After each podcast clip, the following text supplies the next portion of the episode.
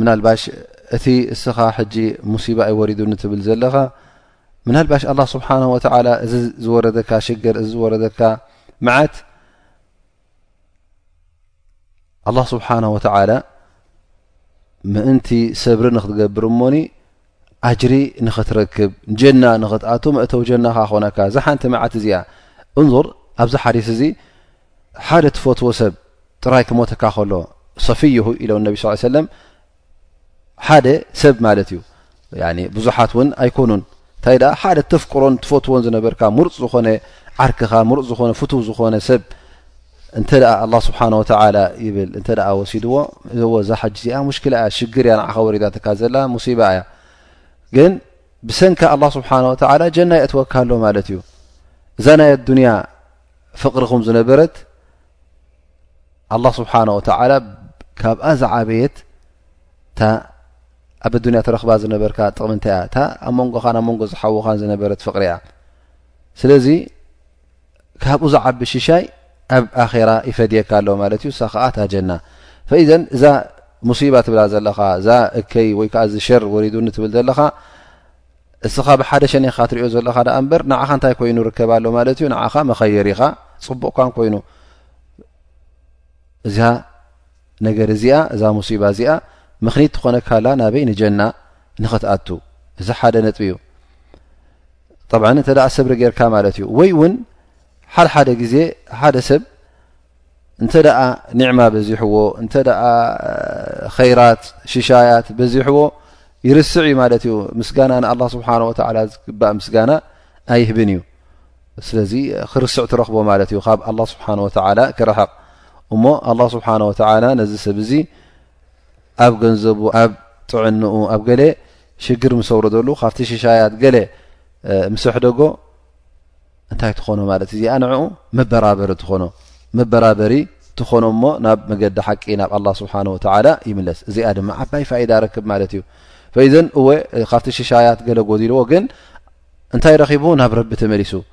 እዚ እውን ፋኢዳ ማለት እዩ እዘን ንገዛእ ርእሱ እቲ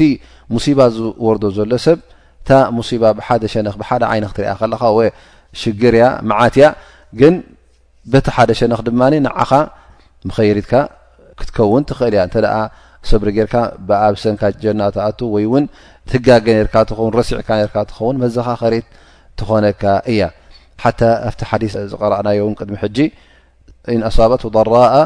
ሰበር ወእን ኣሳበት ሰራ ሸከር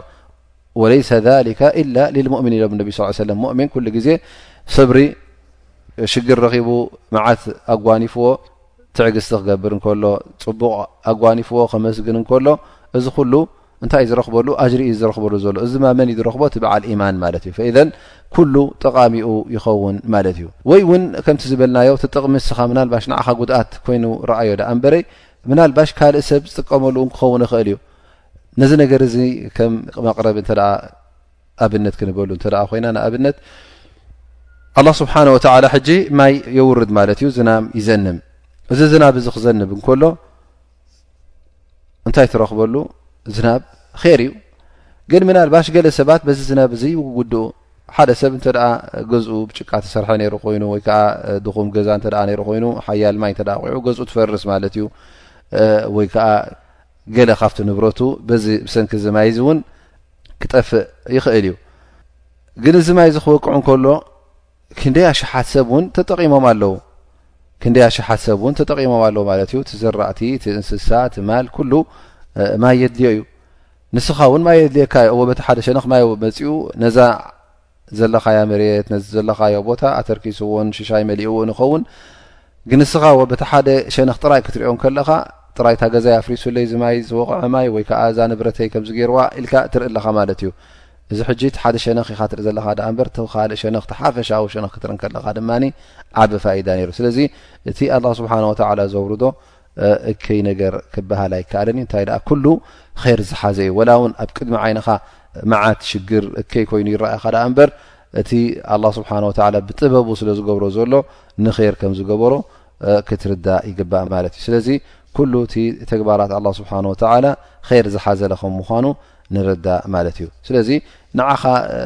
ብሓደ ሸነኽ ወይ ከዓ ብሓንቲ ሸነኽ ጎዲኣትካ ኩሉ ሸነኻቱ እኩይ ኩሉ ሸነኻቱ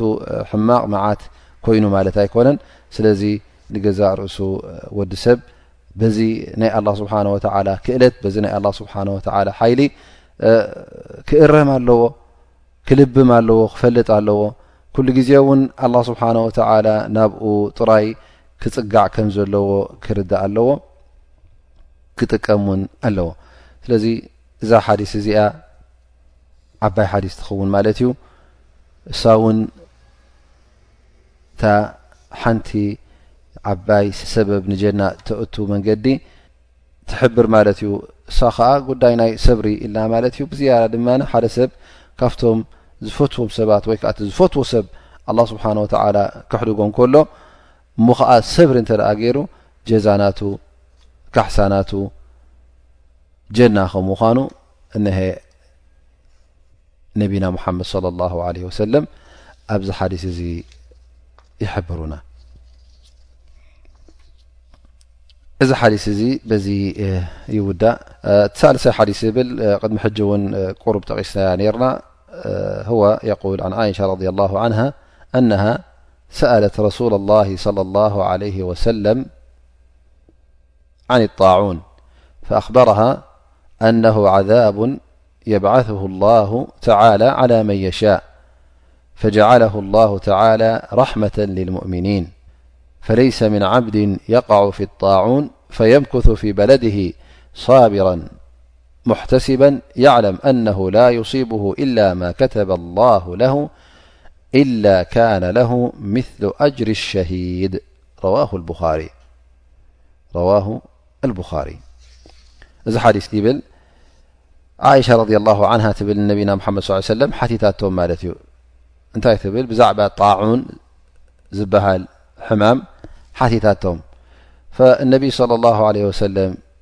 ኢሎም እዚ ጣዑን እዚ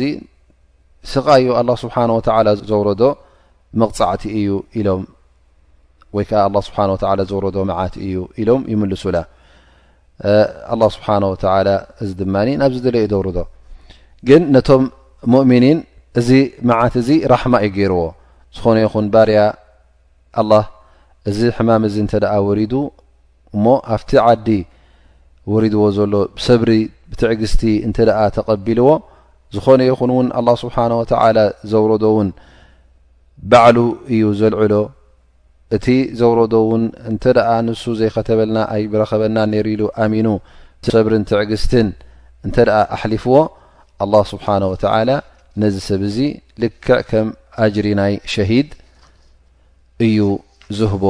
ይብሉ ነቢና ሙሓመድ صለ ላሁ ዓለይህ ወሰለም እዚ ሓዲስ እዚ ብዛዕባ ሕማም ጣዑን ሕማም ጣዑን ክበሃል እንከሎ ክልተ ትርጉም ክሕዝ ዝኽእል እዩ ወይ ፍሉይ ዓይነት ሕማም ክኸውን ይኽእል እዩ ወይ እውን ዝኾነ ይኹን ዓይነት ሕማም ኣብ ዓዲ ዝኣቱ እሞ ከዓ ተላጋቢ ናብ ኩሉ ዝመሓላለፍ ሕማም ማለት እዩ ከምዚ ወባእ ዝኾነ ይኹን ዓይነት ናይ ወባእ ከም በዓል ኮሌራ ዝኣመሰለ ከም በዓል ዝኾነ ይኹን ሕማም ተመሓላለፊ ሕማም ዝኾነ ከምዚ ሕማም እዚ ካብቲ ናፍቲ እናተሰጋገረ ዝኸይድ ክኸውን ከሎ እዚ እቲ ጣዑን ዝበሃል ይብሉ ወይ ከዓ ውሱን ሕማም ይብሉ እዚ ሕማም እዚ ድማ ካብ ኣናጹ ካብእን ዝመሓላለፍ እዩ ይብሉ ማለት እዩ ስለዚ ከምዚ ንክልቲኡ ብክልቲኡ ክትርጎም ዝኽእል ዩ ዓላ ኩል ሓል ላኪን እቲ ቀንዲ ኣገዳሲ ኣብዚ ሓዲስ እዚ እንታይ ዘርእየና ዘሎ ከምዚ ዓይነት መዓት ሕማም ክወርዱ እንከሎ እዎ ሽግር እዩ እዎ መዓት እዩ ግን እቶም ኣመንቲ እቶም ባሮት ኣላ ስብሓን ወተላ ኣብ ዓዶም እንተ ደኣ ወሪዱ ነዚ ዝወረደ መዓት ሕማም ተለጋጋቢ ክኸውን እንከሎ ንኽፍወስ ብጣዕሚ ኣስጋኢ ስለ ዝኾነ እዚ ሰብ እዚ እቲ ዝወርድ ዘሎ ሕማም ብኣላ ስብሓን ወተላ ከም ምዃኑ ኣሚኑ እሞ ከዓ እዚ ዝወርድ ዘሎ እውን ኣላ ስብሓን ወተላ እንተ ከቲብሉ ክረኽቦ እዩ እተዘይከቲብሉ እውን ኣይ ክትንክፎን ኢሉ ኣሚኑ እንተ ብሰብሪ ብትዕግስቲ ተቐቢልዎ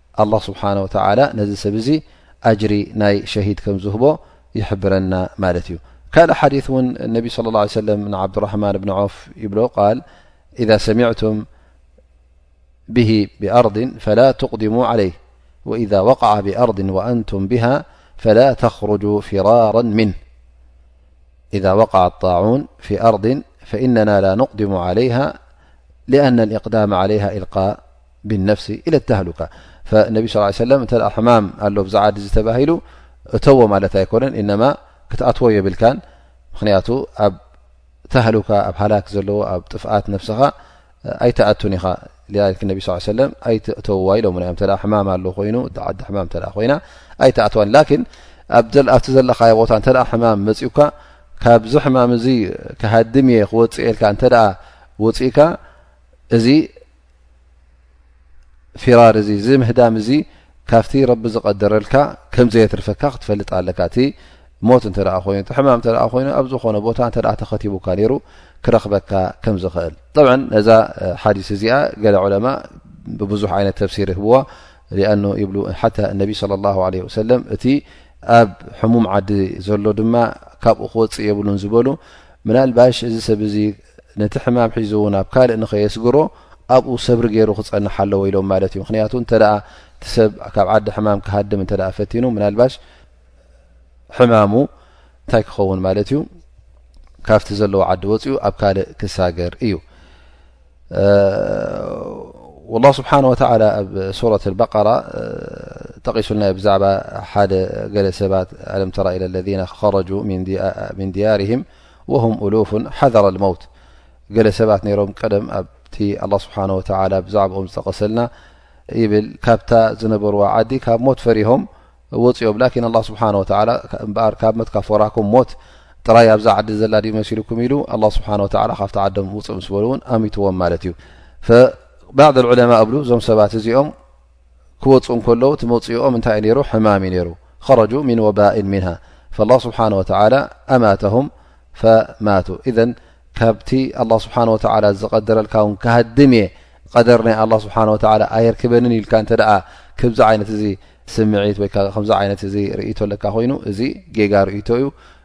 ሊኣኑ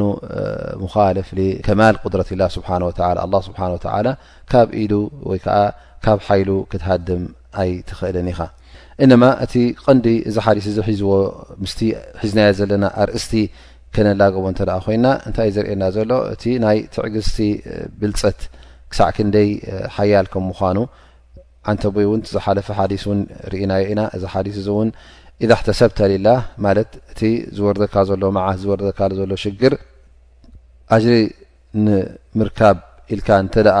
ተፀሚምካዮ ሰብሪ እንተ ጌርካስ እቲ ኣጅሪ ናቱ ክሳዕ ክንደይ ዓብ ከም ምኳኑ ኣጅረ ሸሂድ ድማ ኣብዚ ሓዲስ እዚ ተጠቂሱ ኣጅረ ሸሂድ ማዕሩፍ እቲ ዝለዓለ ደረጃ ናይ ጀና ዝረክብ እዩ ሸሃዳ ወሳሊሑን እዚኦም እቶም ዓበይቲ ኣጅሪ ዘለዎም እቲ ልኡል ቦታ ኣብ ጀና ዝኣትዉ እዮም ስለዚ እቲ ዝሓለፈ ሓዲስ እዚ እውን ኩሎም እንታይ እዮም ዝርእዩና ዘለዉ በዓል ትዕግስቲ በዓል ሰብሪ ፃምኡ ፅባሕ ንግሆ ጀና ከም ምኳኑ ጀና ክከሓስ ከም ምኳኑ ኣላ ስብሓን ወተላ ኣብቲ ዝሓለፈ ሓዲስ ቁድሲ ኣብዚ ሓዲስ እዚ ድማ ነቢ ለ ላ ለ ወሰለም ባዕሎም እነህልካ ደኣሲ ኣብሪሆምልና እዮም በዚ ሓዲስ እዚ እውን ናይ ሎማዓቲ ደርስና ንድምድም እንሻ ላ እቲ ተሪፉ ዘሎ ደቃይቅ ድማ ከምቲ ልሙድ ናይ ሕቶን መልስን ንገብሩ እንሻ ላ ኣቁሉ ቀውሊ ሃ ኣስተغፍር ላ ሊ ወለኩም صለ ላ ላ ነብና ሙሓመድ ላ ወሳሕቢሂ ወሰለም መጺኡካ ኣብታ ዝሰማዕካላ እዋን ኣኡ ኣብታ ዝረኣኻላ እታ ሽግር እታ መዓት ዝወረደትልካ ሸዓ ኢኻ እታ ሰብሪ ናይ ብሓቂ ተድልየካ እሳ እያ ከኣ እታ ኣጅሪ ዘለዋ ሰብሪ ከምዛ ነቢና ሙሓመድ ስለ ላ ሰለም ኢነማ ኣሰብሩ ዕንደ ኣሰድመት ልኡላ ዝበሉና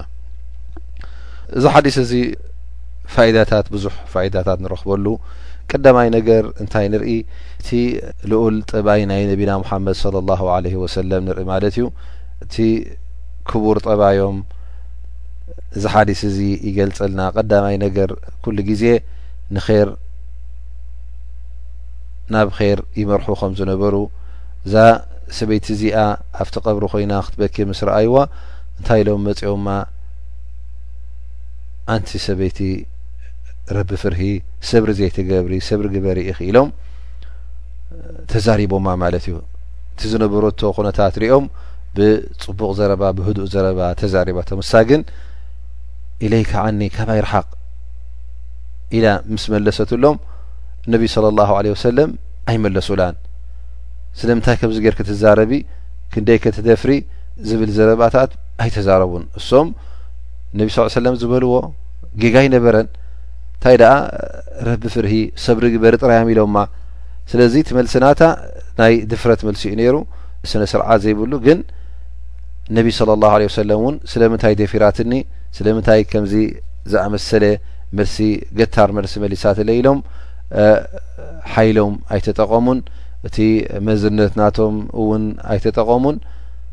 ሊኣኖ እቲ ወሪድዋ ዝነበረ ሽግር ይርእዎ ኣለዉ እሳውን ክትብል እንከላ ከምዘይፈለጠቶም ተረዲእዎም እሳውን እቲ ወሪድዋ ዘሎ ሓዘንን ጓህን ውን ነብሳ ክትመልክ ከምዘይትክእል ኣብዚ ሰዓት እዚ ስለተረድኡ ስለዚ እሳውን ካብ ገዝኣ ወጽኣ ኣብ ቀብሪ ከይዳ ክትበኪ ከላ እዚ ነገር እዚ ኩለን ኣንስቲ ዝገብርኦ ኣይኮናን እንታይ ደኣ እቲያ ዝያዳ እቲ ሓዘን ዝሰዓራ ተዘይኮይኑ ኩለንትን መዘናኣ ደቂ ኣንስትዮ ኣብ ገዝአን በክየን እተ ውላደ መመይትዎን ዝኾኑ ኣብኡ የን ዝበክያ ነረን እዚኣ ግን እቲ ነገር ሓሊፍዋ ኣብ ቀብሪ ከይዳ ትበኪ ነራ ማለት እዩ ንገዛእ ርእሱ እዛ ሰብ እዚኣ እውን እቲ ግብሪ ናታ ክትሪኦን ከለኻ እቲ ሕሉፍ ናይዚ ውላድ እዚ ፍቅሪ ከም ዝነበራ ሕሉፍ ሓዘን ከም ዝነበራ እዩ ዘብርህ ዘሎ ማለት እዩ ጥዑምን ኣልባሽ ገለ ሰባት ሕቶ ይመፅኦም ክውን ወይ ከዓ እዛ ሰብ እዚኣ ደኣ ከመይ ገይራ ኣነቢ ስ ሰለም ኣብ ቀብሪ እናረኣይዋ ከሎ ወይ ከዓ ዝያራት ኣልቀቡር ንደቂ ኣንስትዮ ክልኩል እንከሎ ስለምንታይ እነቢ ስ ሰለም ዘይተዛረብዋ ወይ ከዓ በዚ ጉዳይ እውን ዘይገንሕዋ እንተ ክንብል ኮይና ጠብ ዝያራት ኣልቀቡር ወይንካን ክልተ ርእቶ ይሃለዎ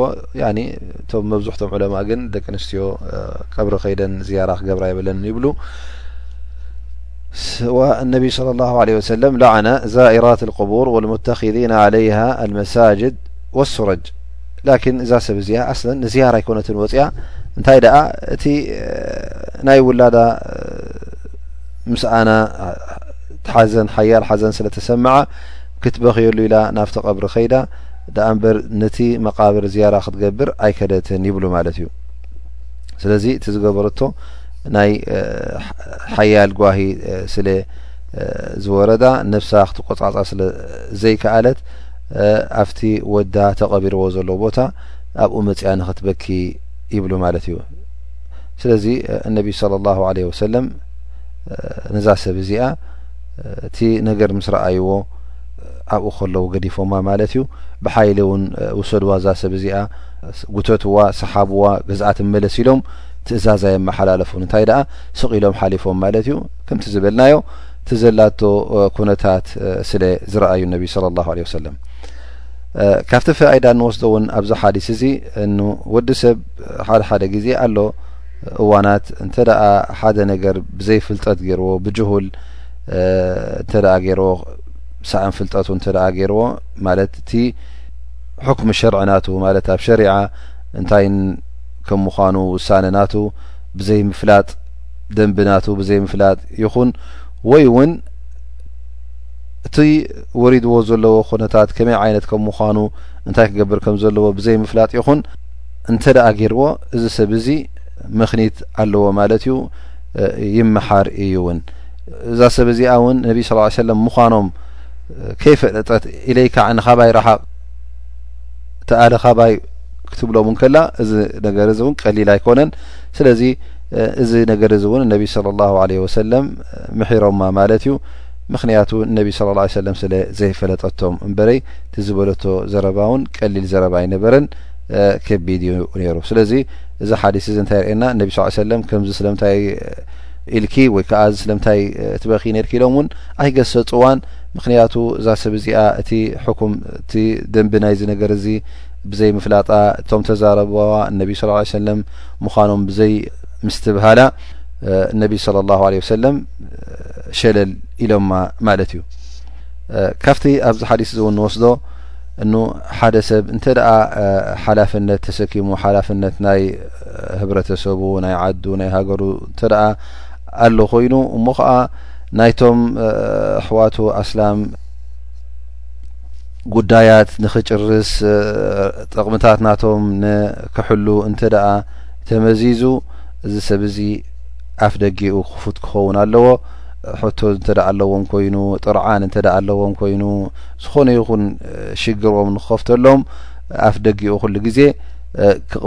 ክፉት ክኸውን ኣለዎ ክቐበል ኣለዎ ሊክ ነቢ صለ ላه ለ ወሰለም ከምዚ ዚ ሓዲስ እዚ ዝረኣናዮ ኣብ ኣፍ ደጊኦም ዋርድያ ኣይነበረን ነቢ ስ ሰለም እቲ ሒዞሞ ዝነበሩ ቦታ ቀሊል ኣይነበረን ልኡኽ ኣላ ስብሓን ወተላ መራሒ ሃይማኖት እስልምና እዮም ነይሮም ኣብቲ ሰዓት እቲ መራሒ ናይቲ ናይ መዲና ናይ ሃገር እስልምና እዮም ነይሮም ግን ኣብ ኣፍ ደጊኦም ዋርድያ ገይሮም ንሰብ ንኸይኣቱ ዝከላኸሉ ኣይነበሩን ስለዚ እንተ ከምዚ ሓላፍነት ኣለካ ኮይኑ እንተ እውን ሰብ ንክረክበካ ኣድላዩ ኮይኑ ኣፍ ደጌኻ ክዕፆ የብሉን ይብሉ ማለት እዩ ዑለማ ኢላ እንተ ብ ካልእ ነገራት ብካልእ ሽግራት ናይ ፀጥታ ኮይኑ ወይ ውን ናይ ብዝሒ ሰብ ድማ እንተ እቲ ጉዳይ ክፉት ገዲፍካዮ ንኹሉ ሰብ ድላዩ ክትገብረሉ ዘይትኽእል ወይ ከዓ ክትሰምዖ ዘይትኽእል እንተ ኮይንካ እሞ እቲ ጉዳይ ብስርዓት ብሰነስርዓት ተለገድካዮ እውን ምንም ጠብዓ እዚ ክኸውን ዘለዎ እዩ ምክንያቱ እቲ መስልሓ ንቲ ጠቕምን ይረአ ማለት እዩ ምክንያቱ ኣላ ስብሓን ወተላ ንገዛ ርእሱ ዝኾነ ይኹን ገዛ ክትመፅእ እንተ ኮይንካ ክትኣቱ እንተ ኮይንካ ብዘይ ፍቃድ ንኸትኣቱ ኣየፍቅደልካን እዩ እቲ እስትእዛን ኣዳብ እልስትእዛን ገዛእ ርእሱ ንምንታይ እዩ ተገይሩ እቲ በዓል ቤት ምስ ስድርኡ ኮይኑ ምስ ደቁ ምስ ሰበይቱ ምስ በዓል ቤቱ ውሱን ግዜ ስለ ዘለዎ ወይ ከዓ ንዕኦም ክህቦም ዝግባእ ግዜ ስለ ዘሎ ኣብ ዝኾነ እዋን ኣብ ዝኾነ ሰዓት መጺእካ ክትኣትዎ ሃንጎፍ ኢልካ ኣብ ሸርዒ እስልምና ፍቁድ ኣይኮነ እንታይ ደኣ ብፍቃት ኢኻ ትኣቱ ማለት እዩ ካብቲ ፋይዳታት ንወስዶ እውን እቲ ሰብሪ እቲ ትዕግስቲ ዝበሃል እቲ ምስጉን ትዕግስቲ እቲ ነዚ ትዕግስቲ ዝገብር እውን በዓል ኣጅሪ እዩ ዝበሃል መን እዩ እቲ ኣብታ ቀዳመይቲ ሰድማ ኣብታ ቀዳመይቲ ወረ ኣብታ ቀዳመይቲ እዋን ናይ እታ ትወርደሉ እዋን መዓትን ሽግርን ሸዓኣ ተዓገሰ ሰብ ጥራይ እዩ ሸዓኣ ብሓቂ እቲ ወሪድዎ ዘሎ ካብ ኣላ ስብሓን ወተዓላ ምዃኑ ፈሊጡ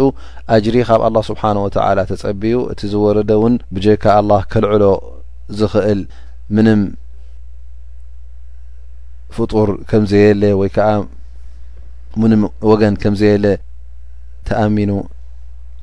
እሞ ኢና ሊላ ወኢና ኢለይህ ራጅዕ ኢሉ ነዛ ነፍሱ ዝሓዘ እዚ እዩ እቲ በዓል ኣጅሪ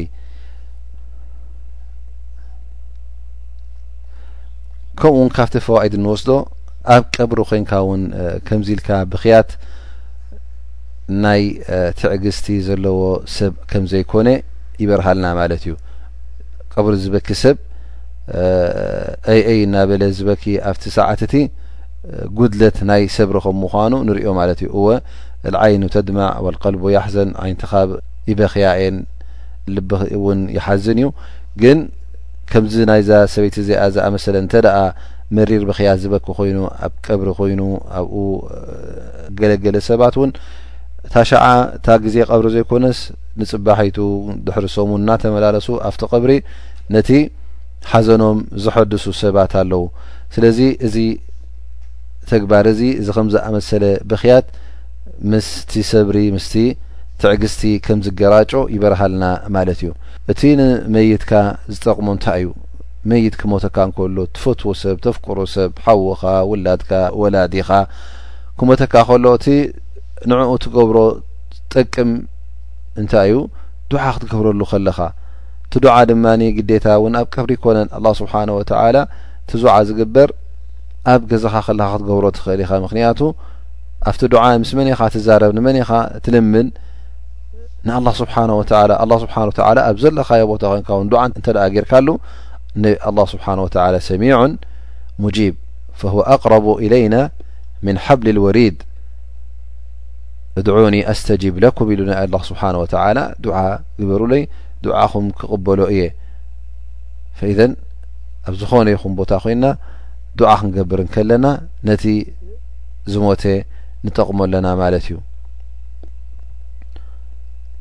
ግን እንተ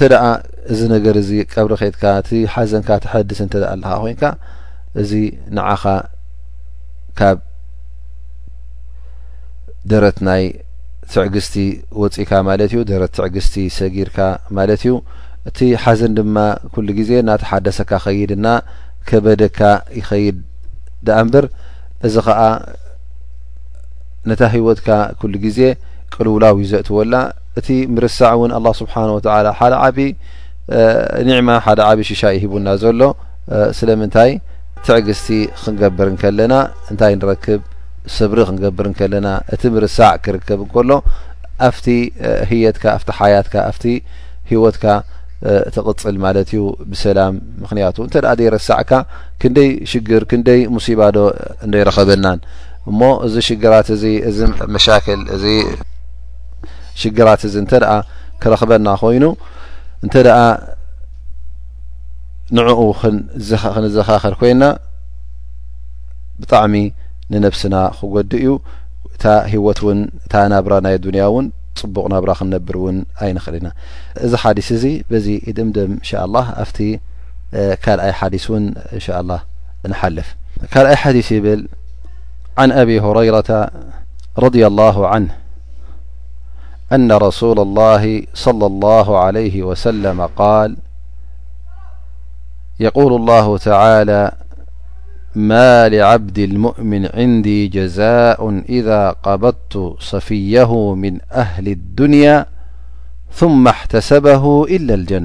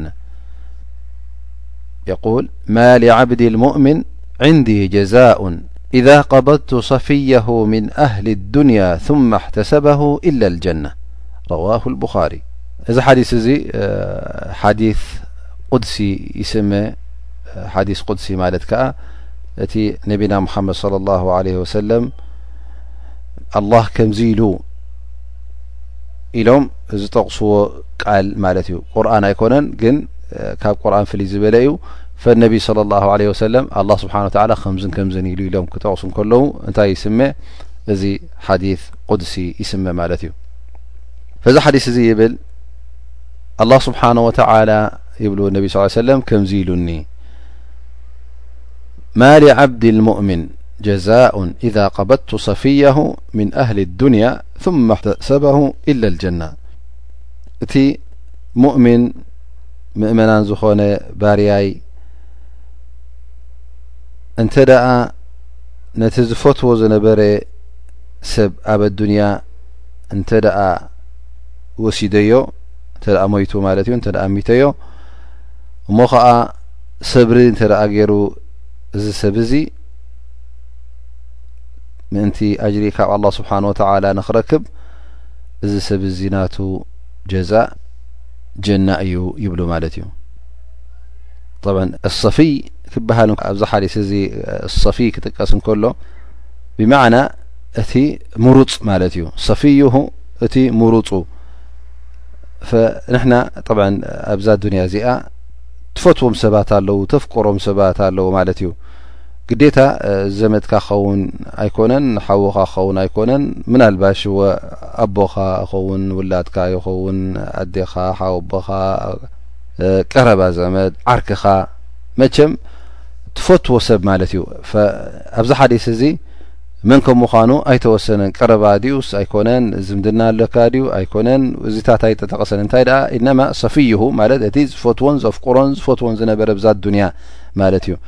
እሞ እንተ ደኣ እዚ ሰብ እዚ ብሞት ተፈልዩካ ኣላ ስብሓን ወተዓላ እታ ሞት ንኩላህና ኢልዋ እዩ በብሓደ ኩላህና ካብዛ ዱንያ እዚኣ ክንፍለ ኢና ተርፍ የለን እንተ ነዚ ዝፈትዎ ሰብ ኣሚተዮ እቲ ዝፈትዎ ዝነበረ ቀረባ ዓርኩ ሓዉ ይኹን ዝኾነ ይኹን ሲ እሞ ሰብሪ ገይሩ እንተ ተዓጊሱ ኣጅሪ ካብ ኣላ ስብሓን ወተላ ምእንቲ ንክረክብ ኣላ ስብሓን ወተላ ይብል እዚ ሰብ እዚ ካሕሳኡ ጀና እዩ ይብሉ ማለት እዩ ካሕሳኡ ጀና እዩ እዚ ምእታይ ይርእየና እዚ ሓዲስ እዚ እቲ ናይ ኣላ ስብሓን ወተላ ዓብዪ ፀጋ ክሳዕ ክንደይ ስፊሕ ፀጋ ከም ዝኾነ ይርእየና ማለት እዩ ኣላ ስብሓን ወተላ ኩላህና ፍጡራቱ ኢና ኣነ ይኹን እቲ ዝፈትዎ ሰብ ምሳይ ዝነበረ እውን ኩላህና ባህረቱ ኢና ግን ኣላ ስብሓን ወተላ ይብል ኣብዚ ሓዲስ እዚ ወላ እውን ኩላህና ናቱ ምልኪ ንኹን እንተ ደኣ ሰብሪ ጌርካስ እንተ ደኣ ተዓጊስካ እዚ ተፍቅሮን ትፈትዎን ሰብ ዝነበረ ብሞት ተፈድዩካ እንተ ደኣ እሞ ኣሕዲገካ ብሰብሪ ጌርካ ይብለካ ኣላ ስብሓን ወተላ ኣጅሪ ገይረ ክፈድየካ እየ ኣጅሪ ገይረ ክፈድየካ እየ ይብለካ መን ኣላ ስብሓን ወተላ ማذ ነስተፊድ እኖ ኣላ ስብሓን ወተላ እንተወሰደና ነቶም ንፈትዎም ሰባት ነቶም ንፈትዎም ወለድና ነቶም ንፈትዎም ውላድና ነቶም ንፈትዎም ኣሕዋትና እንተ ደኣ ኣንቢትዎም እሱ እንዲ ሂቡና እዞም ሰባት እዚኦም ምልክናት እንድዮም ግን ኣላ ስብሓን ወተላ ወላ እውን ኩላህና ምልክናት ንኹን እንተ ደኣ ከሕድገኩም ከለኹ እዞም ትፈትዎም ሰባት ሲ ስብሪ እንተ ደኣ ጌርኩም ጀና ኣለኩም ይብለና ማለት እዩ እዚ ሕጂ ዓብ ፈድሊ ናይ ኣላ ስብሓን ወተላ ይርእየና ወላ ስብሓን ወተላ እቲ ዝገብሮ ነገራት እውን ኩሉ ኼር ከም ምዃኑ ክንፈልጥ ኣለና ናብ ኣላ ስብሓን ወተላ ኩሉ ግዜ እውን እከይ ኣይትጽግዕን ኢኻ ኣላህ ስብሓን ወተዓላ ገባር እከዩ ኣይበሃልን እዩ ወላ እቲ ናባኻ ዝወድ ዘሎ ሙሲባ ናባኻ ዝወልድ ዘሎ ሽግር ንዓኻ ይጉዳእካ ደኣ እምበር እዚ ዝወርድ ዘሎ እስኻ ኣይትፍተዎ ደኣ እምበር ግን ኣላህ ስብሓን ወተዓላ እከይ ገይሩ ማለት ኣይኮነን ምክንያቱ እቲ እስኻ ኣብ ቅድሜኻ እከይ ኮይኑ ዝረኣካ ዘሎ ኣላህ ስብሓን ወተዓላ ብጥበብ ዩ ገይርዎ ጥቕሚ ኣለዎ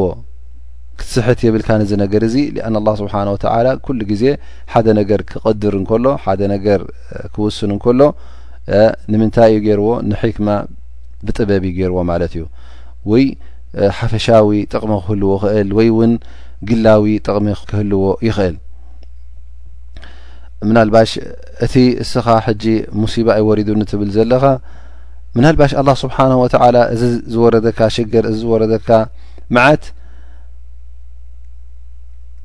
ኣላ ስብሓን ወተላ ምእንቲ ሰብሪ ንክትገብር እሞኒ ኣጅሪ ንክትረክብ ጀና ንክትኣቱ መእተው ጀናካ ኮነካ እዛ ሓንቲ መዓት እዚኣ እንር ኣብዚ ሓዲስ እዚ ሓደ ትፈትዎ ሰብ ጥራይ ክሞተካ ከሎ ሰፊይሁ ኢሎ ነቢ ስ ሰለም ሓደ ሰብ ማለት እዩ ብዙሓት እውን ኣይኮኑን እንታይ ደኣ ሓደ ተፍቅሮን ትፈትዎን ዝነበርካ ምሩፅ ዝኾነ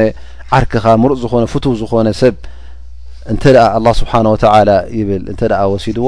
እዎ እዛ ሓጂ እዚኣ ሙሽክላ እያ ሽግር እያ ንዓኻ ወሪዳትካ ዘላ ሙሲባ እያ ግን ብሰንካ ኣላ ስብሓን ወተዓላ ጀና የእትወካ ኣሎ ማለት እዩ እዛ ናይ ኣዱንያ ፍቕርኹም ዝነበረት ኣላ ስብሓን ወተዓላ ካብኣ ዝዓበየት እታ ኣብ ኣዱንያ ትረኽባ ዝነበርካ ጥቕሚ እንታይ እያ እታ ኣብ መንጎኻን ኣብ መንጎ ዝሓውኻን ዝነበረት ፍቕሪ እያ ስለዚ ካብኡ ዝዓቢ ሽሻይ ኣብ ኣኼራ ይፈድየካ ኣሎ ማለት እዩ እሳ ከዓ እታ ጀና ፈኢዘን እዛ ሙሲባ ትብላ ዘለኻ እዛ እከይ ወይ ከዓ ዝሸር ወሪዱኒ ትብል ዘለኻ እስኻ ብሓደ ሸኒኻ ትሪዮ ዘለኻ ደኣ እምበር ንዓኻ እንታይ ኮይኑ ርከብ ኣሎ ማለት እዩ ንዓኻ መኸየሪኻ ፅቡቕካን ኮይኑ እዚኣ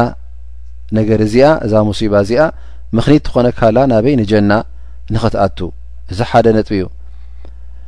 ጠብዓ እንተ ደኣ ሰብሪ ጌርካ ማለት እዩ ወይ እውን ሓድ ሓደ ግዜ ሓደ ሰብ እንተ ደኣ ኒዕማ በዚሕዎ እንተ ደኣ ኸይራት ሽሻያት በዚሕዎ ይርስዕ እዩ ማለት እዩ ምስጋና ንኣላ ስብሓን ወተዓላ ዝግባእ ምስጋና ኣይህብን እዩ ስለዚ ክርስዕ ትረኽቦ ማለት እዩ ካብ ኣላ ስብሓን ወተዓላ ክረሕቕ እሞ ኣላ ስብሓን ወተዓላ ነዚ ሰብ እዚ ኣብ ገንዘቡ ኣብ ጥዕንኡ ኣብ ገለ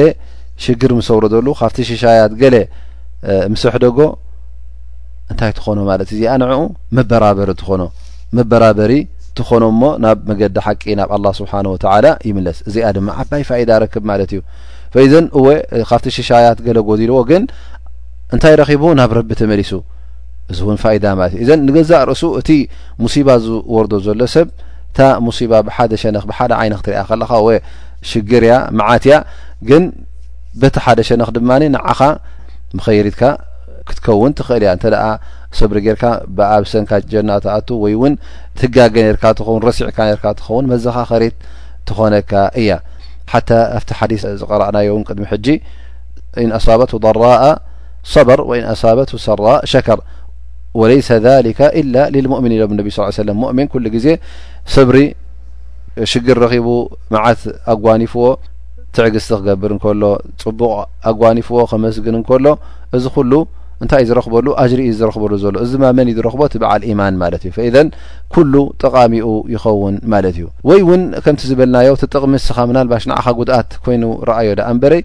ምናልባሽ ካልእ ሰብ ዝጥቀመሉ እውን ክኸውን ይኽእል እዩ ነዚ ነገር እዚ ከም መቅረቢ እተ ኣብነት ክንበሉ እተ ኮይና ንኣብነት ኣላ ስብሓን ወተላ ሕጂ ማይ የውርድ ማለት እዩ ዝናም ይዘንም እዚ ዝናብ እዚ ክዘንብ እንከሎ እንታይ ትረኽበሉ ዝናብ ር እዩ ግን ምናልባሽ ገለ ሰባት በዚ ዝናብ እዚ ይውድኡ ሓደ ሰብ እንተ ገዝኡ ብጭቃ ተሰርሐ ነይሩ ኮይኑ ወይ ከዓ ድኹም ገዛ እተ ነይሩ ኮይኑ ሓያል ማይ እተ ቂዑ ገዝኡ ትፈርስ ማለት እዩ ወይ ከዓ ገለ ካብቲ ንብረቱ በዚ ብሰንኪ እዚ ማይ እዚ እውን ክጠፍእ ይኽእል እዩ ግን እዚ ማይ እዚ ክወቅዑ ከሎ ክንደይ ኣሸሓት ሰብ እውን ተጠቂሞም ኣለዉ ክንደይ ኣሸሓት ሰብ እውን ተጠቂሞም ኣለዉ ማለት እዩ እቲ ዘራእቲ እቲ እንስሳ እቲ ማል ኩሉ ማይ የድልዮ እዩ ንስኻ ውን ማይ የድልየካ ዩ እወ በቲ ሓደ ሸነኽ ማይ መጺኡ ነዛ ዘለኻያ መሬት ነዚ ዘለኻዮ ቦታ ኣተርኪስዎን ሽሻይ መሊእዎን ይኸውን ግን ንስኻ ወ በቲ ሓደ ሸነኽ ጥራይ ክትሪኦ ከለኻ ጥራይ እታ ገዛይ ኣፍሪሱለይ እዚ ማይ ዝወቕዐ ማይ ወይ ከዓ እዛ ንብረተይ ከምዚ ገይርዋ ኢልካ ትርኢ ኣለኻ ማለት እዩ እዚ ሕጂ እቲ ሓደ ሸነኽ ኢካ ትርኢ ዘለካ ዳኣ በር ቲ ካልእ ሸነኽ ሓፈሻዊ ሸነኽ ክትር ከለካ ድማ ዓበ ፋይዳ ነይሩ ስለዚ እቲ ኣላ ስብሓን ወተላ ዘውርዶ እከይ ነገር ክበሃል ኣይከኣልን እዩ እንታይ ደኣ ኩሉ ኼር ዝሓዘ እዩ ወላ እውን ኣብ ቅድሚ ዓይንኻ መዓት ሽግር እከይ ኮይኑ ይረኣኻ ደኣ እምበር እቲ ኣላ ስብሓን ወተላ ብጥበቡ ስለ ዝገብሮ ዘሎ ንኼር ከም ዝገበሮ ክትርዳእ ይግባእ ማለት እዩ ስለዚ ኩሉ እቲ ተግባራት ኣላ ስብሓን ወተላ ኼር ዝሓዘለ ከም ምዃኑ ንርዳእ ማለት እዩ ስለዚ ንዓኻ ብሓደ ሸነኽ ወይ ከዓ ብሓንቲ ሸነኽ ጎዲኣትካ ኩሉ ሸነኻቱ እኩይ ኩሉ ሸነኻቱ ሕማቕ መዓት ኮይኑ ማለት ኣይኮነን ስለዚ ንገዛእ ርእሱ ወዲ ሰብ በዚ ናይ ኣላ ስብሓን ወተዓላ ክእለት በዚ ናይ ኣላ ስብሓን ወተዓላ ሓይሊ ክእረም ኣለዎ ክልብም ኣለዎ ክፈልጥ ኣለዎ ኩሉ ግዜ እውን ኣላ ስብሓን ወተዓላ ናብኡ ጥራይ ክፅጋዕ ከም ዘለዎ ክርዳእ ኣለዎ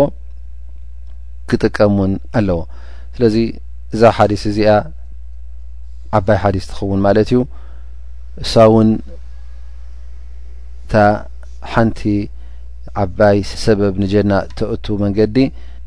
ትሕብር ማለት እዩ እሳ ከዓ ጉዳይ ናይ ሰብሪ ኢልና ማለት እዩ ብዝያዳ ድማ ሓደ ሰብ ካብቶም ዝፈትዎም ሰባት ወይ ከዓቲ ዝፈትዎ ሰብ ኣላ ስብሓን ወተላ ክሕድጎ እንከሎ እሞ ከዓ ሰብሪ እንተ ደኣ ገይሩ ጀዛናቱ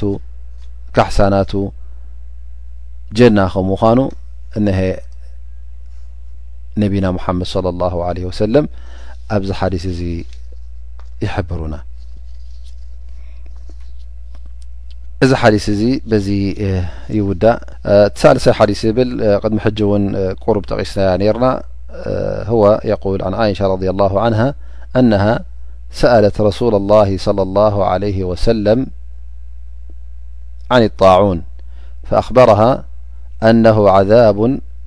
يبعثه الله تعالى على من يشاء فجعله الله تعالى رحمة للمؤمنين فليس من عبد يقع في الطاعون فيمكث في بلده صابرا محتسبا يعلم أنه لا يصيبه إلا ما كتب الله له إلا كان له مثل أجر الشهيد رواه البخاري حديث يبل ዓእሻ ረድ ላሁ ዓንሃ ትብል ንነቢና ሙሓመድ ስ ሰለም ሓቲታቶም ማለት እዩ እንታይ ትብል ብዛዕባ ጣዑን ዝበሃል ሕማም ሓቲታቶም ፈእነቢይ ስለ ላሁ ለ ወሰለም ኢሎም እዚ ጣዑን እዚ ስቃዩ ኣላ ስብሓን ወተላ ዘውረዶ መቕፃዕቲ እዩ ኢሎም ወይ ከዓ ኣላ ስብሓን ወተላ ዘውረዶ መዓት እዩ ኢሎም ይምልሱላ ኣላ ስብሓን ወተላ እዚ ድማ ናብዚ ደለዩ ደውርዶ ግን ነቶም ሞእሚኒን እዚ መዓት እዚ ራሕማ እዩ ገይርዎ ዝኾነ ይኹን ባርያ ኣላህ እዚ ሕማም እዚ እንተ ደኣ ወሪዱ እሞ ኣብቲ ዓዲ ወሪድዎ ዘሎ ብሰብሪ ብትዕግስቲ እንተ ደኣ ተቐቢልዎ ዝኾነ ይኹን እውን ኣላህ ስብሓን ወተዓላ ዘውረዶ እውን ባዕሉ እዩ ዘልዕሎ እቲ ዘውረዶ እውን እንተ ደኣ ንሱ ዘይኸተበልና ኣይብረኸበና ነይሩ ኢሉ ኣሚኑ ሰብርን ትዕግስትን እንተ ኣሕሊፍዎ ኣላህ ስብሓን ወተዓላ ነዚ ሰብ እዚ ልክዕ ከም ኣጅሪ ናይ ሸሂድ እዩ ዝህቦ ይብሉ ነቢና ሙሓመድ ለ ላ ለይ ወሰለም እዚ ሓዲስ እዚ ብዛዕባ ሕማም ጣዑን ሕማም ጣዑን ክበሃል እንከሎ ክልተ ትርጉም ክሕዝ ዝኽእል እዩ ወይ ፍሉይ ዓይነት ሕማም ክኸውን ይኽእል እዩ ወይ ውን ዝኾነ ይኹን ዓይነት ሕማም ኣብ ዓዲ ዝኣቱ እሞ ኸኣ ተላጋቢ ናብ ኩሉ ዝመሓላለፍ ሕማም ማለት እዩ ከምዚ ወባእ ዝኾነ ይኹን ዓይነት ናይ ወባእ ከም በዓል ኮሌራ ዝኣመሰለ ከም በዓል ዝኾነ ይኹን ሕማም ሲ ተመሓላለፊ ሕማም ዝኾነ ከምዚ ሕማም እዚ ካብቲ ናፍቲ እናተሰጋገረ ዝኸይድ ክኸውን ከሎ እዚ እዩ እቲ ጣዑን ዝበሃል ይብሉ ወይ ከዓ ውሱን ሕማም እዩ ይብሉ። እዚ ሕማም እዚ ድማ ካብ ኣናፁ ካብእን ዝመሓላለፍ እዩ ይብሉ ማለት እዩ። ስለዚ ከምዚ ንክልቲኡ ብክልቲኡ ክትርጎም ዝኽእል እዩ ዓላ ኩል ሓል ላኪን እቲ ቀንዲ ኣገዳሲ ኣብዚ ሓዲስ እዚ እንታይ ዘርእየና ዘሎ ከምዚ ዓይነት መዓት ሕማም ክወርድ እንከሎ እወ ሽግር እዩ እወ መዓት እዩ ግን እቶም ኣመንቲ እቶም ባሮት ኣላ ስብሓን ወተዓላ ኣብ ዓዶም እንተ ደኣ ወሪዱ ነዚ ዝወረደ መዓት ሕማም ተለጋጋቢ ክኸውን እንከሎ ንኽፍወስ ብጣዕሚ ኣስጋኢ ስለ ዝኾነ እዚ ሰብ እዚ እቲ ዝወርድ ዘሎ ሕማም ብኣላ ስብሓን ወተላ ከም ምዃኑ ኣሚኑ እሞ ከዓ እዚ ዝወርድ ዘሎ እውን ኣላ ስብሓን ወተላ እንተ ደኣ ከቲብሉ ክረኽቦ እዩ እንተዘይከቲብሉ እውን ኣይ ክትንክፎን ኢሉ ኣሚኑ እንተ ብሰብሪ ብትዕግስቲ ተቐቢልዎ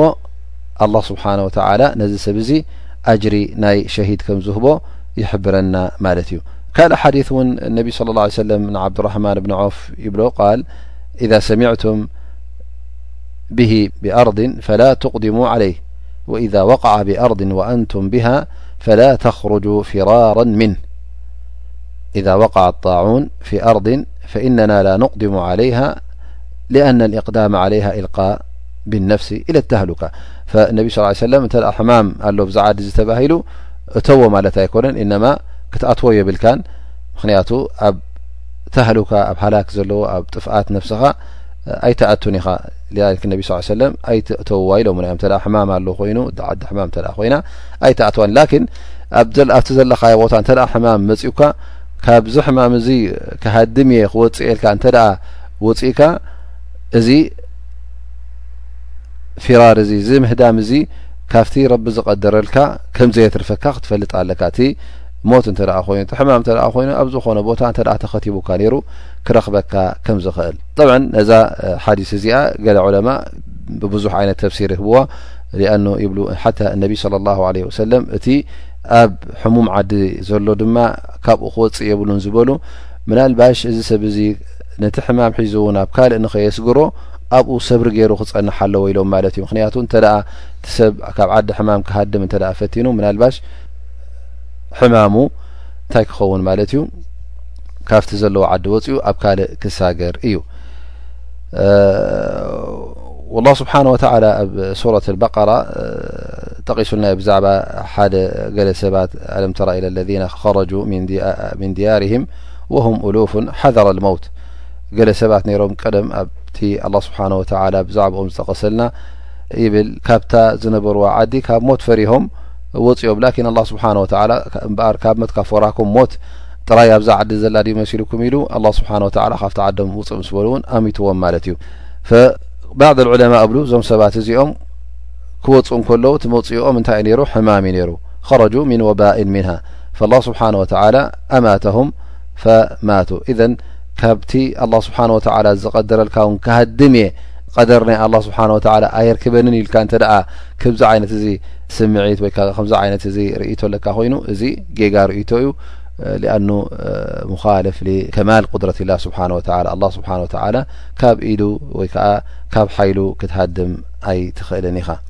እነማ እቲ ቐንዲ እዚ ሓዲስ እዚ ሒዝዎ ምስቲ ሒዝናዮ ዘለና ኣርእስቲ ከነላግቦ እንተ ደኣ ኮይና እንታይ እዩ ዘርእየና ዘሎ እቲ ናይ ትዕግስቲ ብልጸት ክሳዕ ክንደይ ሓያል ከም ምዃኑ ዓንተቦይ እውን ዝሓለፈ ሓዲስ እውን ርኢናዮ ኢና እዚ ሓዲስ እዚ እውን ኢዛ ሕተሰብተ ሊላህ ማለት እቲ ዝወርደካ ዘሎ መዓት ዝወርደካ ዘሎ ሽግር ኣጅሪ ንምርካብ ኢልካ እንተ ደኣ ተጸሚምካዮ ሰብሪ እንተ ደኣ ጌርካስ ተኣጅሪ ናቱ ክሳዕ ክንደይ ዓቢ ከም ምዃኑ ኣጅረ ሸሂድ ድማ ኣብዚ ሓዲስ እዚ ተጠቒሱ ኣጅረ ሸሂድ ማዕሩፍ እቲ ዝለዓለ ደረጃ ናይ ጀና ዝረክብ እዩ ኣኑ ሸህዳ ወሳሊሑን እዚኦም እቶም ዓበይቲ ኣጅሪ ዘለዎም እቲ ልኡል ቦታ ኣብ ጀና ዝኣትዉ እዮም ስለዚ እቲ ዝሓለፈ ሓዲስ እዚ እውን ኩሎም እንታይ እዮም ዘርእዩና ዘለዉ በዓል ትዕግስቲ በዓል ሰብሪ ፃምኡ ፅባሕ ንግሆ ጀና ከም ምኳኑ ጀና ክከሓስ ከም ምኳኑ ኣላ ስብሓን ወተላ ኣብቲ ዝሓለፈ ሓዲስ ቅዱሲ ኣብዚ ሓዲስ እዚ ድማ ነቢ ስለ ላ ለ ወሰለም ባዕሎም እነህልካ ደኣሲ ኣብሪሆምልና እዮም በዚ ሓዲስ እዚ እውን ናይ ሎማዓተ ደርስና ንድምድም እንሻ ላ እቲ ተሪፉ ዘሎ ደቃይቅ ድማ ከምቲ ልሙድ ናይ ሕቶን መልስን ንገብሮ እንሻ ላ أقل قول هذا وأستغفر الله ل ولكم وصلى الله على نبينا محمد و على له وصحبه وسلم